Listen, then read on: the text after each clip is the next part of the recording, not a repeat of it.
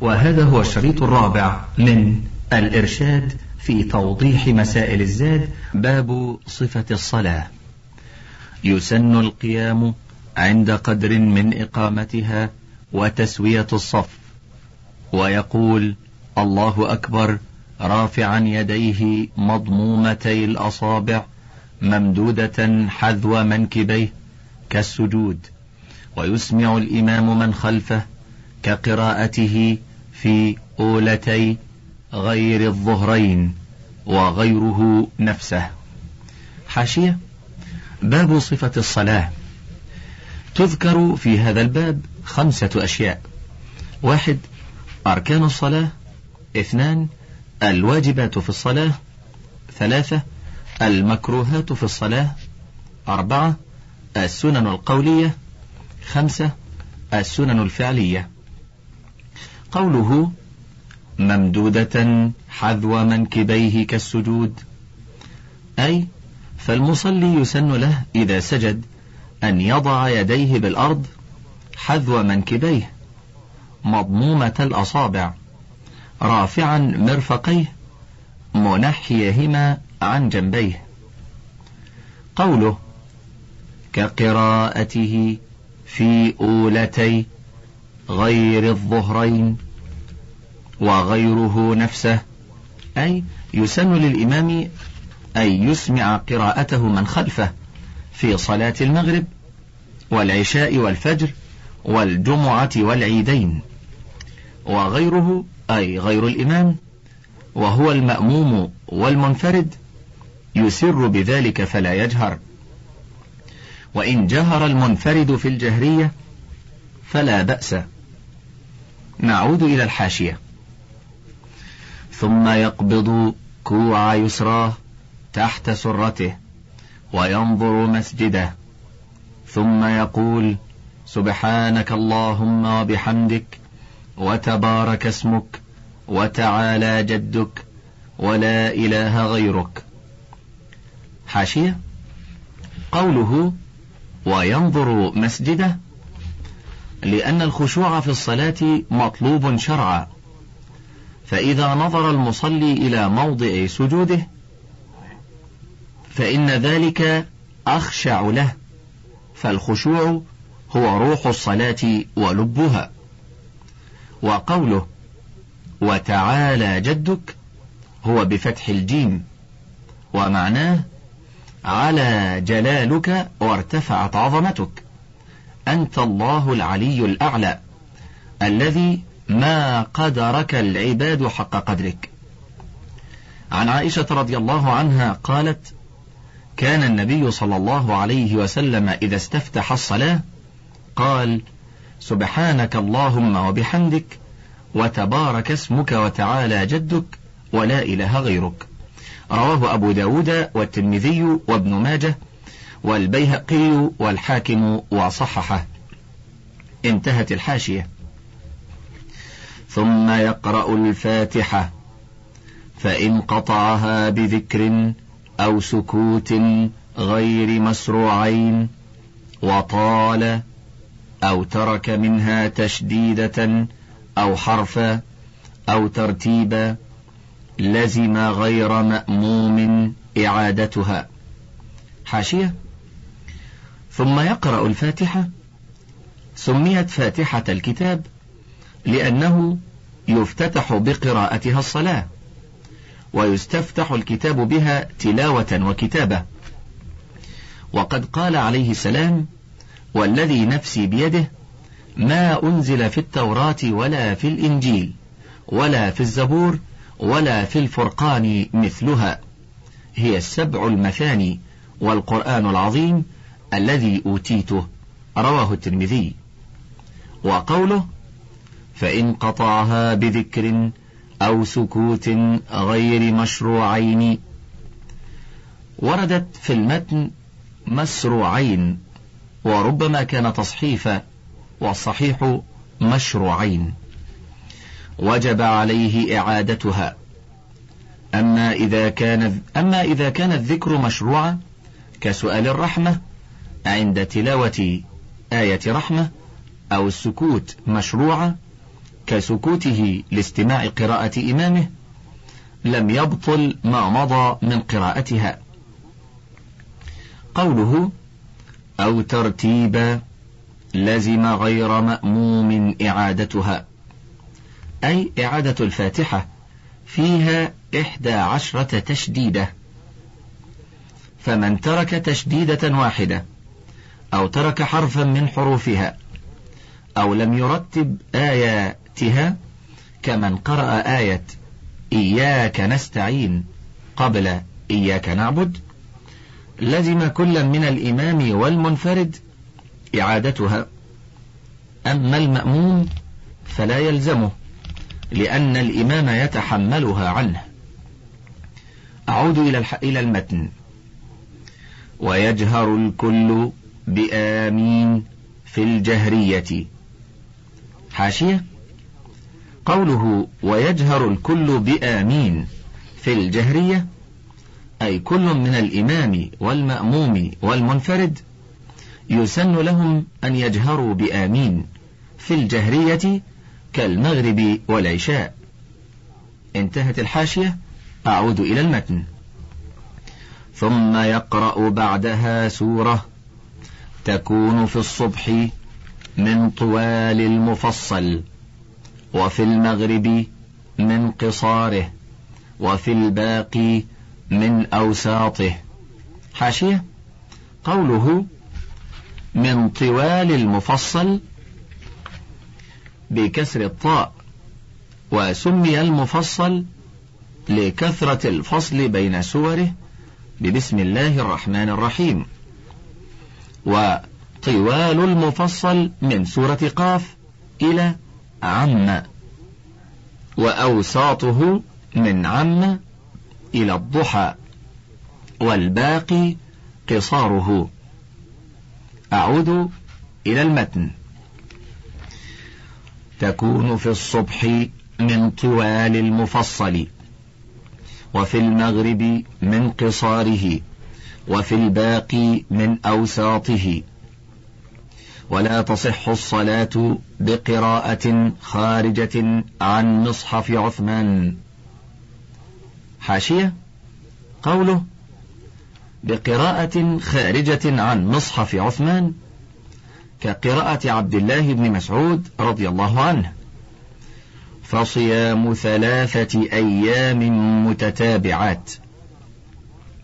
وعن أحمد رحمه الله تصح القراءة بقراءة خارجة عن مصحف عثمان إذا صح سندها وهو قول الشيخ تقي الدين لقوله صلى الله عليه وسلم من أحب أن يقرأ القرآن غضا كما أنزل فليقرأه على قراءة ابن أم عبد يعني به ابن مسعود رضي الله عنه.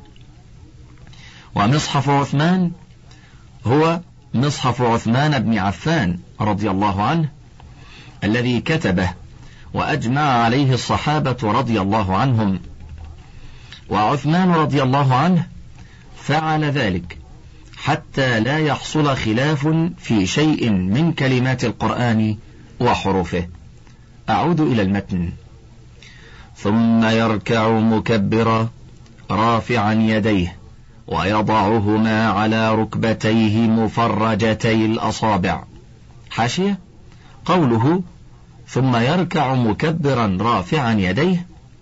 رفع اليدين ثابت عن الرسول صلى الله عليه وسلم في أربعة مواضع. واحد عند تكبيرة الإحرام. اثنان عند الركوع. ثلاثة عند الرفع من الركوع. أربعة عند القيام من التشهد الأول في الرباعية والثلاثية. أعود إلى المتن. ثم يركع مكبرا رافعا يديه ويضعهما على ركبتيه مفرجتي الأصابع مستويا ظهره يقول سبحان ربي العظيم. ثم يرفع رأسه ويديه قائلا إمام ومنفرد سمع الله لمن حمده. هامش قوله ربنا ولك الحمد بعد سمع الله لمن حمده. هذا أحد ألفاظ أربعة والمصلي مخير فيها. اللفظة الثانية اللهم ربنا لك الحمد. الثالثة ربنا لك الحمد. الرابعة اللهم ربنا ولك الحمد. وكلها واردة عن النبي صلى الله عليه وسلم. أعود إلى المتن. ثم يرفع رأسه ويديه قائلا إمام ومنفرد سمع الله لمن حمده. وبعد قيامهما ربنا ولك الحمد ملء السماوات وملء الأرض وملء ما شئت من شيء بعد. حاشية؟ قوله وبعد قيامهما ربنا ولك الحمد أي الإمام والمنفرد. يجب أن يقول كل واحد منهما ربنا ولك الحمد. ويسن لهما أن يقولا ملء السماوات وملء الأرض وما بينهما وملء ما شئت من شيء بعد أهل الثناء والمجد. لا مانع لما أعطيت ولا معطي لما منعت. ولا ينفع ذا الجد منك الجد. رواه مسلم والنسائي من حديث عبد الله بن عباس رضي الله عنهما وانتهت الحاشية. ومأموم في رفعه ربنا ولك الحمد فقط. حاشية؟ قوله ومأموم في رفعه ربنا ولك الحمد فقط لحديث أنس رضي الله عنه. أن رسول الله صلى الله عليه وسلم قال إذا قال الإمام سمع الله لمن حمده قولوا ربنا ولك الحمد متفق عليه. وإن زاد المأموم ملء السماوات وملء الأرض إلى آخره فلا مانع من ذلك لأنه ذكر مشروع في الصلاة أشبه بقية الأذكار. انتهت الحاشية. ثم يخر مكبرا ساجدا على سبعة أعضاء رجليه ثم ركبتيه ثم يديه ثم جبهته مع أنفه ولو مع حائل ليس من أعضاء سجوده. حاشية؟ قوله ولو مع حائل أي فتصح الصلاة ولو ما باشر المصلي الأرض بأعضاء سجوده. فلو سجد على طرف شيء من ملابسه جاز ذلك ولكنه يكره إلا لعذر. فإن كان ثم عذر جاز بلا كراهة. كما لو كانت الأرض فيها شوك أو حصى أو فيها حرارة أو برودة ونحو ذلك. قوله ليس من أعضاء سجوده أي فلا تصح الصلاة إذا سجد المصلي على بعض أعضاء سجوده كما لو وضع يديه على ركبتيه في السجود أو وضع جبهته على يديه وهو ساجد. فالصلاة غير صحيحة لأنه لم يسجد على سبعة أعضاء والسجود عليها ركن من أركان الصلاة. انتهت الحاشية. ويجافي عضديه عن جنبيه وبطنه عن فخذيه ويفرق ركبتيه ويقول سبحان ربي الأعلى. ثم يرفع رأسه مكبرا ويجلس مفترشا يسراه ناصبا يمناه ويقول رب اغفر لي. ويسجد الثانية كالأولى. ثم يرفع مكبرا ناهضا على صدور قدميه معتمدا على ركبتيه إن سهل. ويصلي الثانية كذلك ما عدا التحريمة والاستفتاح والتعوذ وتجديد النية. حاشية؟ قوله ما عدا التحريمة والاستفتاح والتعوذ وتجديد النية. هذه الأربع التي ذكر المصنف وهي تكبيرة الإحرام والاستفتاح والتعوذ وتجديد النية ليست بمشروعة في الركعة الثانية أو الثالثة وإنما مشروعيتها في الركعة الأولى فقط فلا يجب ولا يشرع أن يجدد النية في كل ركعة. أعود إلى المتن.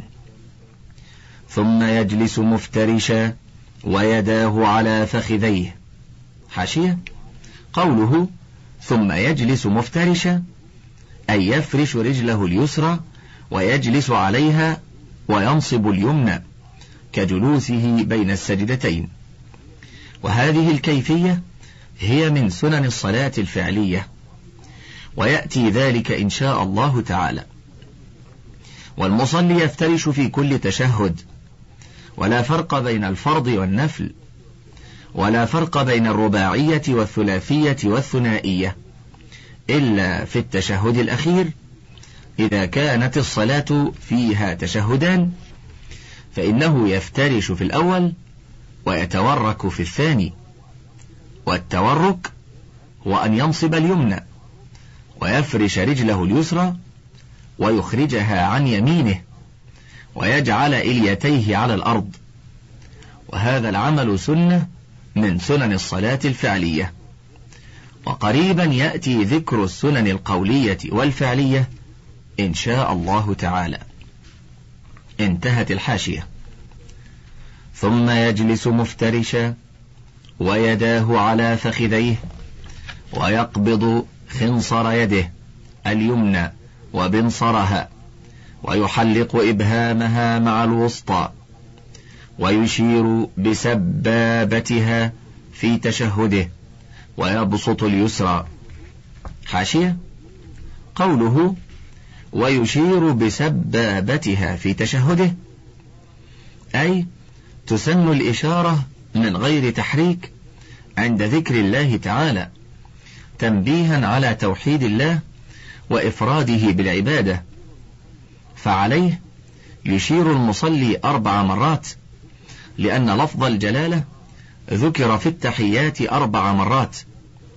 والسبابة هي الإصبع التي تلي الإبهام وسميت سبابة لأنه يشار بها عند الكلام وعند السب. أعود إلى المتن. ويقول التحيات لله والصلوات والطيبات. السلام عليك أيها النبي ورحمة الله وبركاته. السلام علينا وعلى عباد الله الصالحين. حاشية. قوله وعلى عباد الله الصالحين. لا مراء ولا شك بأن مثل هذا يعد من محاسن دين الإسلام وخيره وبركته وعظيم أجره وثوابه. لأنك تعرف أيها المسلم والحمد لله أن المسلمين الحقيقيين عشرات الملايين والجميع يدعون لك في كل صلاة سواء كنت موجودا على قيد الحياة أو قد اخترمتك المنية فأنت رهين القبر ومحبوسه. يدعو لك المصلون في شرق البلاد وغربها حيث كنت من عباد الله الصالحين. فافرح بدين الإسلام أيها المسلم واغتبط به واعمل بأحكامه ونظامه. واسأل ربك الثبات على الإسلام حتى يوافيك الأجل المحتوم وأنت على خير ما يرام. انتهت الحاشية. أشهد أن لا إله إلا الله وأشهد أن محمدا عبده ورسوله. وهذا التشهد الأول. ثم يقول اللهم صل على محمد وعلى آل محمد كما صليت على إبراهيم وعلى آل إبراهيم إنك حميد مجيد. هامش قوله وعلى آل محمد. هذا أيضا من مزايا الإسلام ومحاسنه وفضائله وخيره وكثرة ثوابه. وما ذاك إلا لأن آل محمد على قول كثير من العلماء هم أتباعه على دينه العاملون بشريعة الإسلام. فأنت أيها المسلم وأيتها المرأة المسلمة المسلمون في كل زمان ومكان يدعون لكما في كل صلاة إلى آخر لحظة من لحظات الدنيا إلى اليوم الموعود يوم البعث والنشور. فيجب علينا جميعا أن نعرف شريعة الإسلام. ويجب أن نعمل بشريعة الإسلام عقيدة وأحكاما وعبادة ونظاما وأخلاقا. وبذلك سعادة الدنيا والآخرة. نعم آل الرسول هم أتباعه على ملة الإسلام. قال نشوان الحمياري من علماء اللغة آل الرسول هم أتباع ملته من الأعاجم والسودان والعرب. لو لم يكن آله إلا قرابته صلى المصلي على الطاغي أبي لهب. انتهت الحاشية. وبارك على محمد وعلى آل محمد كما باركت على إبراهيم وعلى آل إبراهيم إنك حميد مجيد. ويستعيذ من عذاب جهنم وعذاب القبر وفتنة المحيا والممات. وفتنة المسيح الدجال. هامش. قوله وفتنة المحيا والممات أي الحياة والموت. فكل مكلف من الجن والإنس ما دام على قيد الحياة وروحه بين جنبيه فهو عرضة للفتن. فتن كالليل الدامس هي فتن متعددة فتن الدنيا وفتن الشهوات وفتن الشبهات وفتن الجهالات وفتنة الشك والريب. فتن حال الصحة وفتنة عند الموت. والسؤال في القبر من الفتن. فتن متكتلة فتن عظيمة ولا خلاص ولا تحين مناص إلا من الرب الكريم الرؤوف الرحيم. اللهم احفظنا وسلمنا من الفتن ما ظهر منها وما بطن. وقوله والمسيح الدجال كذلك المسيح الدجال. الدجال مأخوذ من الدجل وهو الكذب. وسمي الدجال مسيحا لأنه ممسوح العين اليمنى أعورها أو لأنه يمسح الأرض يقطعها بسرعة وقيل غير ذلك. وقال عليه الصلاة والسلام إذا تشهد أحدكم فليستعذ بالله من أربع يقول اللهم إني أعوذ بك من عذاب جهنم ومن عذاب القبر ومن فتنة المحيا والممات ومن فتنة المسيح الدجال. متفق عليه. ولقراءة الهامش المطول. وأما المسيح عيسى بن مريم عليه السلام فسمي المسيح لأنه خرج من بطن أمه ممسوحا بالدهن أو لأنه لا يمسح على ذي عاهة إلا برئ بإذن الله. وقيل لأن زكريا مسحه وقيل غير ذلك والعلم عند الله تعالى.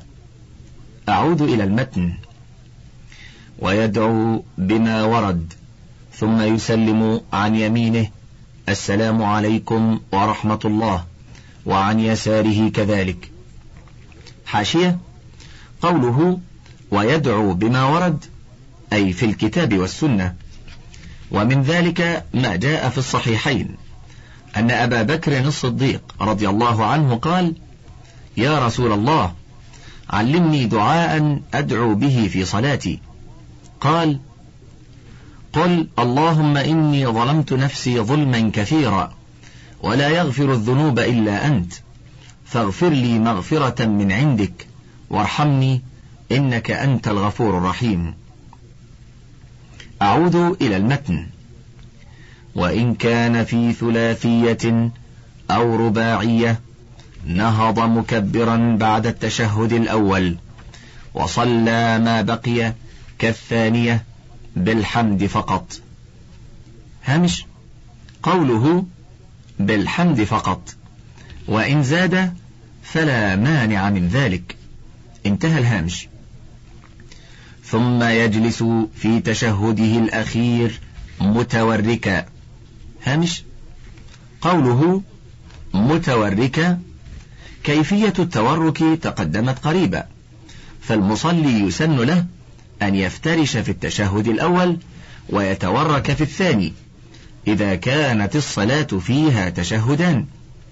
لفعله صلى الله عليه وسلم كما في حديث أبي حميد الساعدي فإنه لما وصف صلاة رسول الله صلى الله عليه وسلم قال فإذا جلس في الركعتين جلس على رجله اليسرى ونصب اليمنى فإذا جلس في الركعة الأخيرة قدم رجله اليسرى ونصب الأخرى وقعد على مقعدته.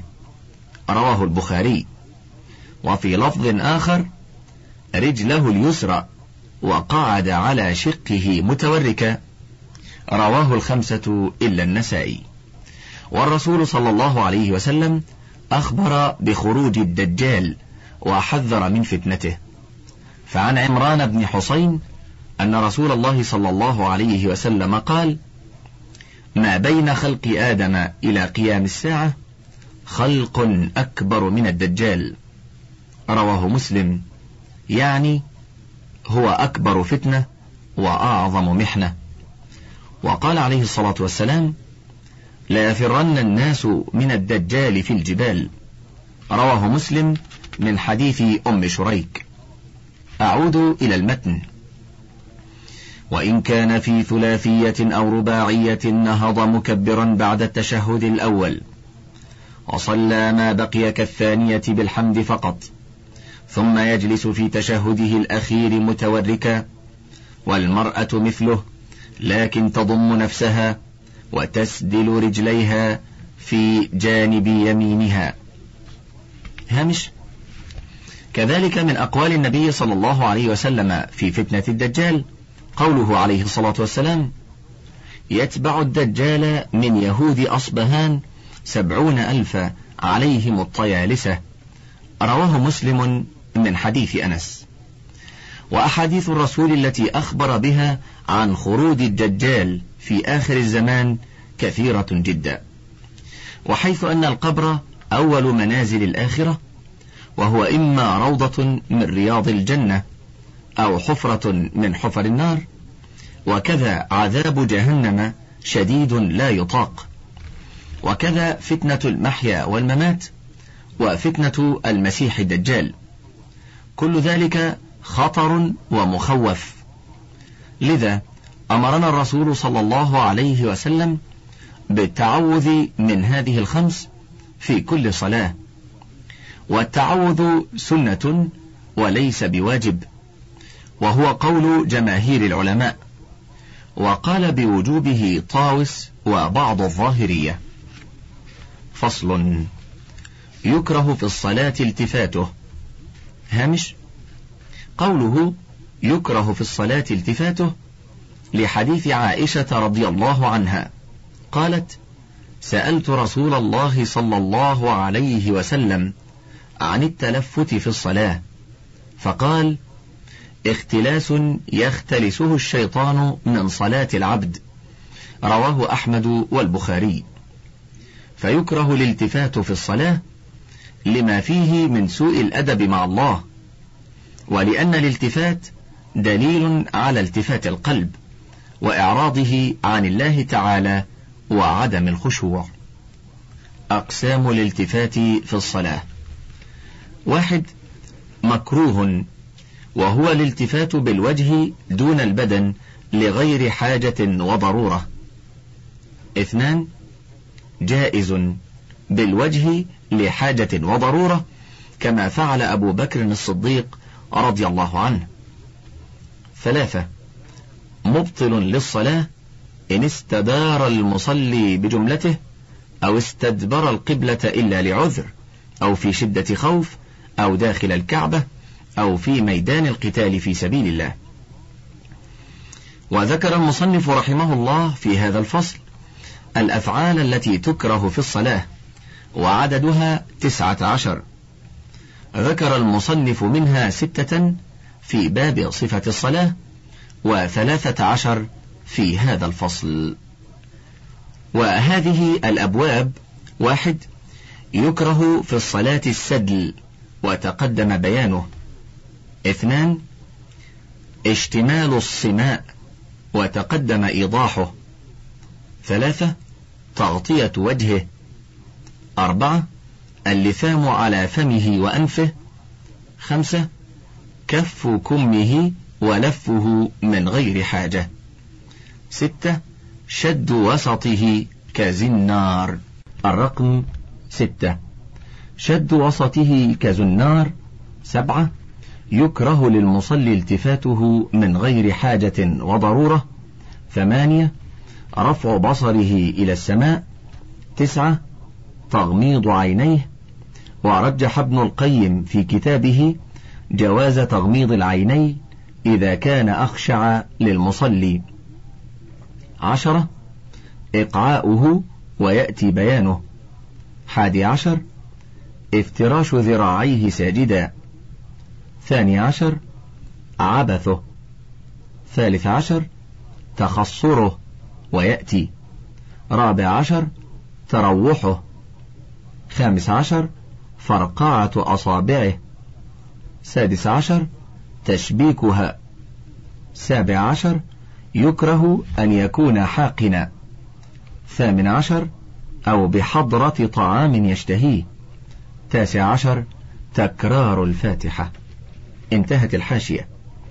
يكره في الصلاة التفاته ورفع بصره إلى السماء وتغميض عينيه وإقعاؤه وافتراش ذراعيه ساجدا. وعبثه وتخصره. هامش.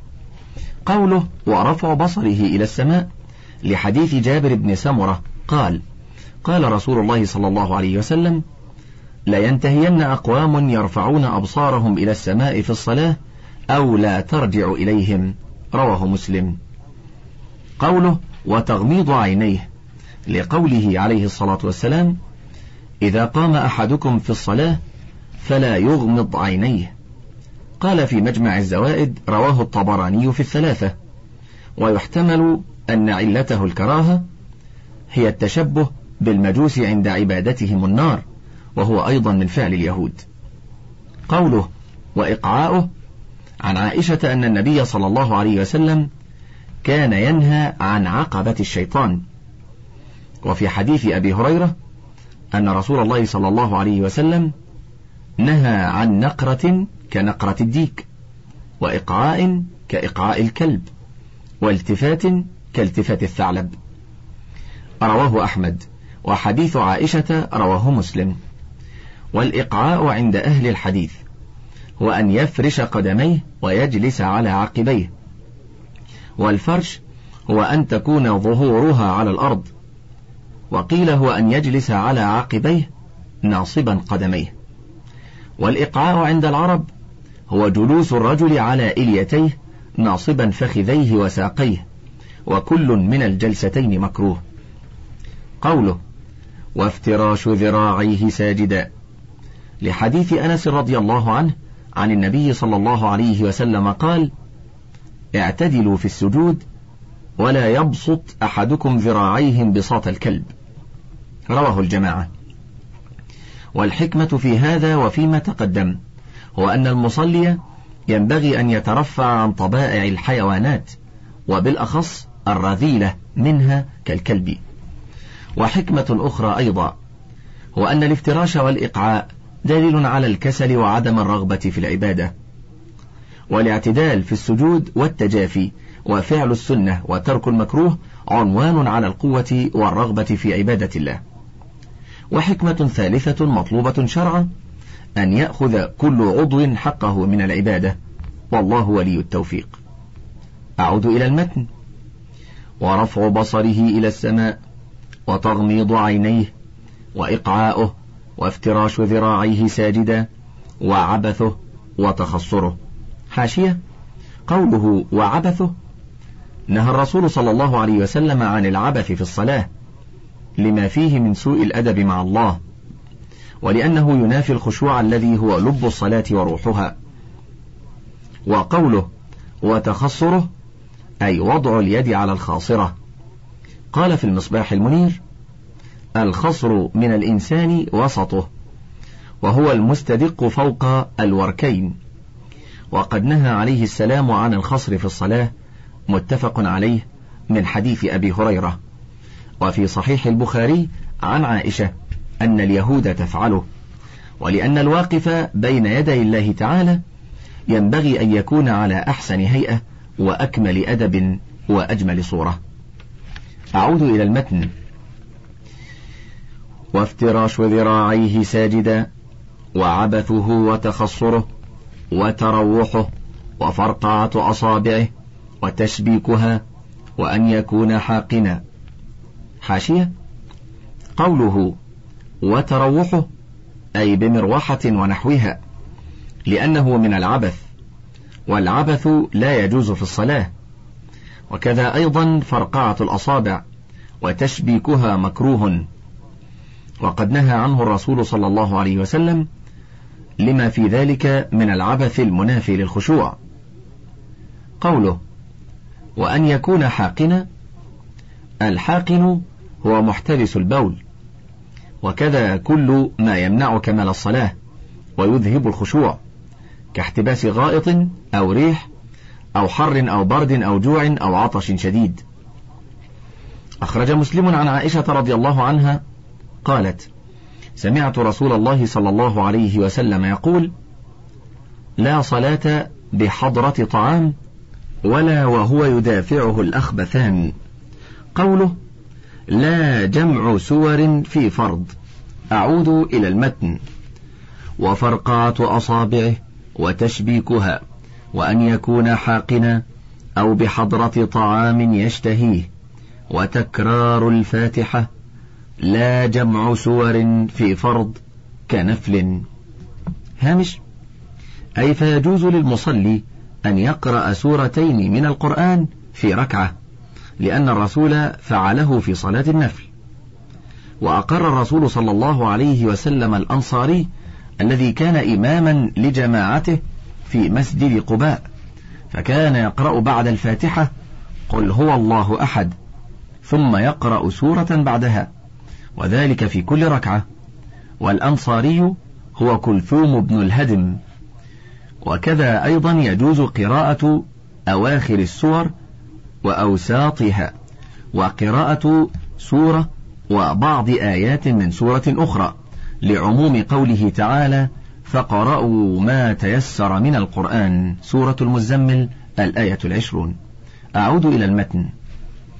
لا جمع سور في فرض كنفل وله رد المار بين يديه وعد الآي والفتح على إمامه ولبس الثوب ولف العمامة وقتل حية وعقرب وقمل.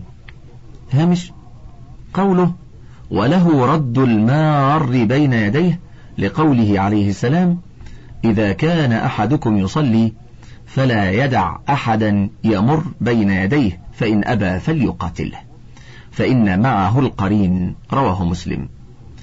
وقوله وعد الآي أي للمصلي أن يعد الآيات بقلبه وأصابعه أو بقلبه فقط ويضبط العدد في ضميره من غير أن يتلفظ.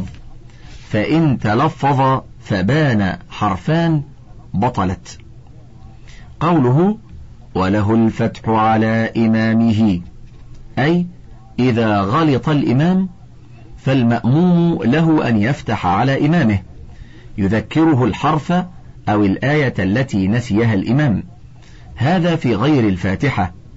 أما إذا غلط الإمام في الفاتحة فتذكيره والفتح عليه واجب لتوقف صحة صلاته على ذلك.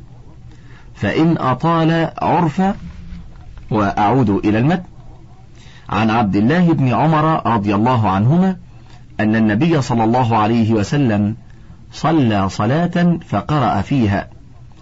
فلبس عليه. فلما انصرف قال لأبي أصليت معنا؟ قال نعم. قال فما منعك؟ رواه أبو داود وابن حبان والحاكم. انتهت الحاشية. أعود إلى المتن. ولبس الثوب ولف العمامة وقتل حية وعقرب وقمل. فإن أطال الفعل عرفا من غير ضرورة ولا تفريق بطلت ولو سهوا. حاشية؟ قوله فإن أطال الفعل عرفا من غير ضرورة ولا تفريق بطلت فالحركة والعبث يبطل به الصلاة إذا وجدت أربعة أمور لأنه يقطع الموالاة ويمنع متابعة الأركان ويذهب الخشوع. واحد. إذا كان الأمر من غير جنس الصلاة. اثنان. أن يكون كثيرا عرفا ثلاثة. أن يكون الفعل والعبث متواليا فإن تفرق لم يبطل الصلاة. أربعة. أن يكون لغير ضرورة. انتهى الهامش. وأعود إلى المتن. ويباح قراءة أواخر السور وأوساطها وإذا نابه شيء سبح رجل وصفقت امرأة ببطن كفها على ظهر الأخرى. حاشية؟ قوله ويبصق في الصلاة. أعود إلى متنها. ويبصق في الصلاة عن يساره وفي المسجد في ثوبه. هذا إذا كان في غير مسجد فإن كان في المسجد فيبصق في منديل أو في ثوبه. لحديث أنس رضي الله عنه أن النبي صلى الله عليه وسلم قال إذا قام أحدكم في الصلاة فلا يبزقن قبل وجهه ولكن عن يساره أو تحت قدمه. رواه أحمد والبخاري. أعود إلى المتن. وتسن صلاته إلى سترة قائمة كمؤخرة الرحل. حاشية؟ قوله كمؤخرة الرحل. الرحل هو الشداد الذي يجعل على ظهر البعير من أجل حمله والركوب عليه. وآخرة الرحل عود في مؤخره. طولها تقريبا ثلاثون سنتيمترا. هذا أقل تقدير من خصوص طول سترة المصلي. أما عرضها فلا حد له. فقد تكون غليظة كالعمود والجدار والصخرة الكبيرة وقد تكون دقيقة كالعصا. فيسن للمصلي إذا كان إماما أو منفردا أن يصلي إلى سترة. أما المأموم فسترة الإمام سترة لمن خلفه. قال صلى الله عليه وسلم إذا صلى أحدكم فليصلي إلى سترة وليدن منها. رواه أبو داود من حديث أبي سعيد. وعن عائشة رضي الله عنها أن النبي صلى الله عليه وسلم سئل في غزوة تبوك عن سترة المصلي فقال كمؤخرة الرحل رواه مسلم. وقدر العلماء مؤخرة الرحل بثلثي ذراع. والحكمة في السترة كف البصر عما وراءها ومنع من يجتاز بقربه. لئلا تبطل الصلاة بالمرور على قول كثير من علماء السلف أو ينقص ثوابها على قول فريق آخر من العلماء. أعود إلى المتن. وتسن صلاته إلى سترة قائمة كمؤخرة الرحل. فإن لم يجد شاخصا فإلى خط. وتبطل بمرور كلب أسود بهيم فقط. حاشية؟ فإن لم يجد شاخصا فإلى خط. يسن ذلك. ولكن لا يجزئ الخط مع وجود شيء شاخص. حديث أبي هريرة رضي الله عنه أن رسول الله صلى الله عليه وسلم قال إذا صلى أحدكم فليجعل تلقاء وجهه شيئا فإن لم يجد فلينصب عصا فإن لم يكن معه عصا فليخط خطا ولا يضره ما مر بين يديه. رواه أحمد وأبو داود وابن ماجة والبيهقي. قوله وتبطل بمرور كلب أسود بهيم فقط. أي لا امرأة وحمار ولا غيرهما. والكلب الأسود البهيم هو الذي لا لون فيه سوى السواد. وخص الأسود بذلك لأنه شيطان. أعود إلى المتن. وله التعوذ عند آية وعيد. والسؤال عند آية رحمة. ولو في فرض. هامش؟ قوله وله التعوذ عند آية وعيد والسؤال عند آية رحمة يجوز ذلك ولو في فرض. عن عن حذيفة رضي الله عنه قال صليت مع النبي صلى الله عليه وسلم ذات ليلة فافتتح البقرة فقلت يركع عند المئة ثم مضى فقلت يصلي بها في ركعة فمضى ثم افتتح النساء فقرأها. ثم آل عمران فقرأ مترسلا. إذا مر بآية فيها تسبيح سبح. وإذا مر بسؤال سأل. وإذا مر بتعوذ تعوذ. رواه مسلم. عزيزي المستمع أورد هنا ترتيب السور في هذا الحديث بداية بالبقرة وثنى بالنساء. ثم آل عمران. ولا أدري صحة هذا. فلعل الترتيب الصحيح هو ترتيب المصحف. البقرة ثم آل عمران ثم النساء. وإذا صح السؤال والتعوذ في صلاة النفل صح في الفرض. لا فرق بينهما في جواز مثل ذلك. انتهت الحاشية. فصل. أركانها القيام. حاشية. قوله أركانها القيام. أركان الصلاة أربعة عشر ركنا واحد القيام. اثنان التحريمة. ثلاثة الفاتحة. أربعة الركوع. خمسة الاعتدال عنه. ستة السجود على الأعضاء السبعة. سبعة الاعتدال عنه أي الرفع من السجود. ثمانية الجلوس بين السجدتين. تسعة الطمأنينة في الكل. عشرة التشهد الأخير. حادي عشر الجلوس للتشهد الأخير. ثاني عشر الصلاة على النبي صلى الله عليه وسلم. ثالث عشر الترتيب بين الأركان. رابع عشر التسليم. والأركان جمع ركن. والركن في اللغة هو جانب الشيء الأقوى. واصطلاح ما كان في الصلاة. ولا يسقط عمدا ولا سهوا ولا جهلا.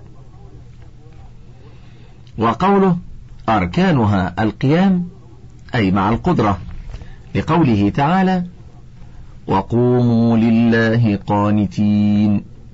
سورة البقرة الآية الثامنة والثلاثون. وقال عليه الصلاة والسلام لعمران بن حسين صل قائما. وقال صلوا كما رأيتموني أصلي. وقد أجمع العلماء على ذلك. أعود إلى المتن. أركانها القيام والتحريمة والفاتحة والركوع والاعتدال عنه. والسجود على الأعضاء السبعة والاعتدال عنه والجلوس بين السجدتين. حاشية. قوله والتحريمة أي تكبيرة الإحرام لفعله عليه الصلاة والسلام. ولقوله مفتاح الصلاة الطهور وتحريمها التكبير وتحليلها التسليم. رواه الخمسة إلا النسائي من حديث علي رضي الله عنه. أما قوله والفاتحة. سميت الفاتحة لأنه يفتتح بقراءتها ويستفتح بها القرآن كتابة وتلاوة. وقد قال النبي صلى الله عليه وسلم هي أم القرآن وهي السبع المثاني وهي القرآن العظيم. وقال صلى الله عليه وسلم لا صلاة لمن لم يقرأ بفاتحة الكتاب. رواه السبعة من حديث عبادة بن الصامت. وقوله والركوع. لقوله تعالى يا أيها الذين آمنوا اركعوا واسجدوا واعبدوا ربكم وافعلوا الخير لعلكم تفلحون. سورة الحج الآية السابعة والسبعون. وجاء في حديث المسيء أن الرسول صلى الله عليه وسلم قال قال لي هذا المسيء اركع حتى تطمئن راكعا والرسول داوم على الركوع وقال صلوا كما رأيتموني أصلي وقد أجمع العلماء على ذلك. قوله والاعتدال عنه أي عن الركوع لأن الرسول كان يفعله صلى الله عليه وسلم وقال صلوا كما رأيتموني أصلي وقال صلى الله عليه وسلم في حديث أبي هريرة لا ينظر الله إلى صلاة رجل لا يقيم صلبه بين ركوعه وسجوده رواه أحمد. وقد ترجم له المجد في كتابه المنتقى بقوله باب في أن الانتصاب بعد الركوع فرض. قوله والسجود على الأعضاء السبعة. الأعضاء السبعة هي الجبهة مع الأنف واليدان والركبتان وأطراف القدمين. ودليل ذلك حديث عبد الله بن عباس رضي الله عنهما أن النبي صلى الله عليه وسلم قال أمرت أن أسجد على سبعة أعظم على الجبهة وأشار بيده على أنفه واليدين والركبتين وأطراف القدمين متفق عليه.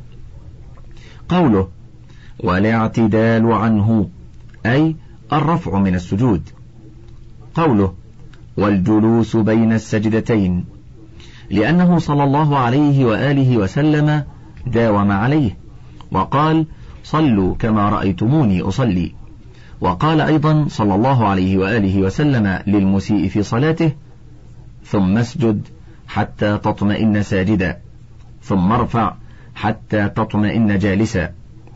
وحديث المسيء متفق عليه من حديث أبي هريرة رضي الله عنه. أعود إلى المتن. والجلوس بين السجدتين والطمأنينة في الكل والتشهد الأخير وجلسته. هامش.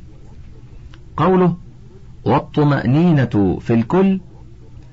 بوجوب الطمأنينة في الصلاة قال جماهير العلماء لأنه صلى الله عليه وسلم كان يطمئن وهو القائل صلوا كما رأيتموني أصلي.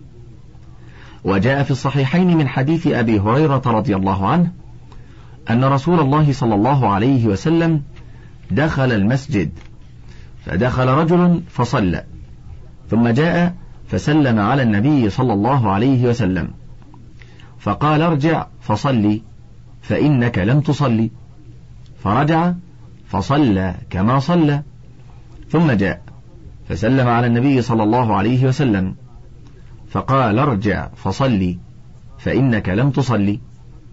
فرجع فصلى كما صلى. ثم جاء فسلم على النبي صلى الله عليه وسلم فقال ارجع فصلي فإنك لم تصلي ثلاثا. فقال والذي بعثك بالحق ما أحسن غيره فعلمني. فقال إذا قمت إلى الصلاة فكبر ثم اقرأ ما تيسر معك من القرآن ثم اركع حتى تطمئن راكعا ثم ارفع حتى تعتدل قائما. ثم اسجد حتى تطمئن ساجدا. ثم ارفع حتى تطمئن جالسا. ثم اسجد حتى تطمئن ساجدا. ثم افعل ذلك في الصلاة كلها. متفق عليه.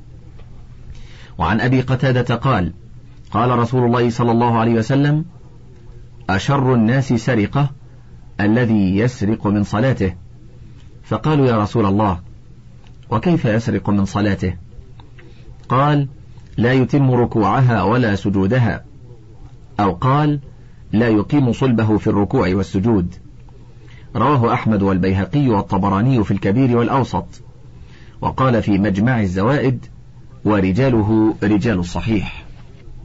وعن حذيفة رضي الله عنه أنه رأى رجلا لا يتم ركوعه ولا سجوده فلما قضى صلاته دعاه. فقال له حذيفة ما صليت؟ ولو مت مت على غير الفطرة التي فطر الله عليها محمدا صلى الله عليه وسلم. رواه أحمد والبخاري.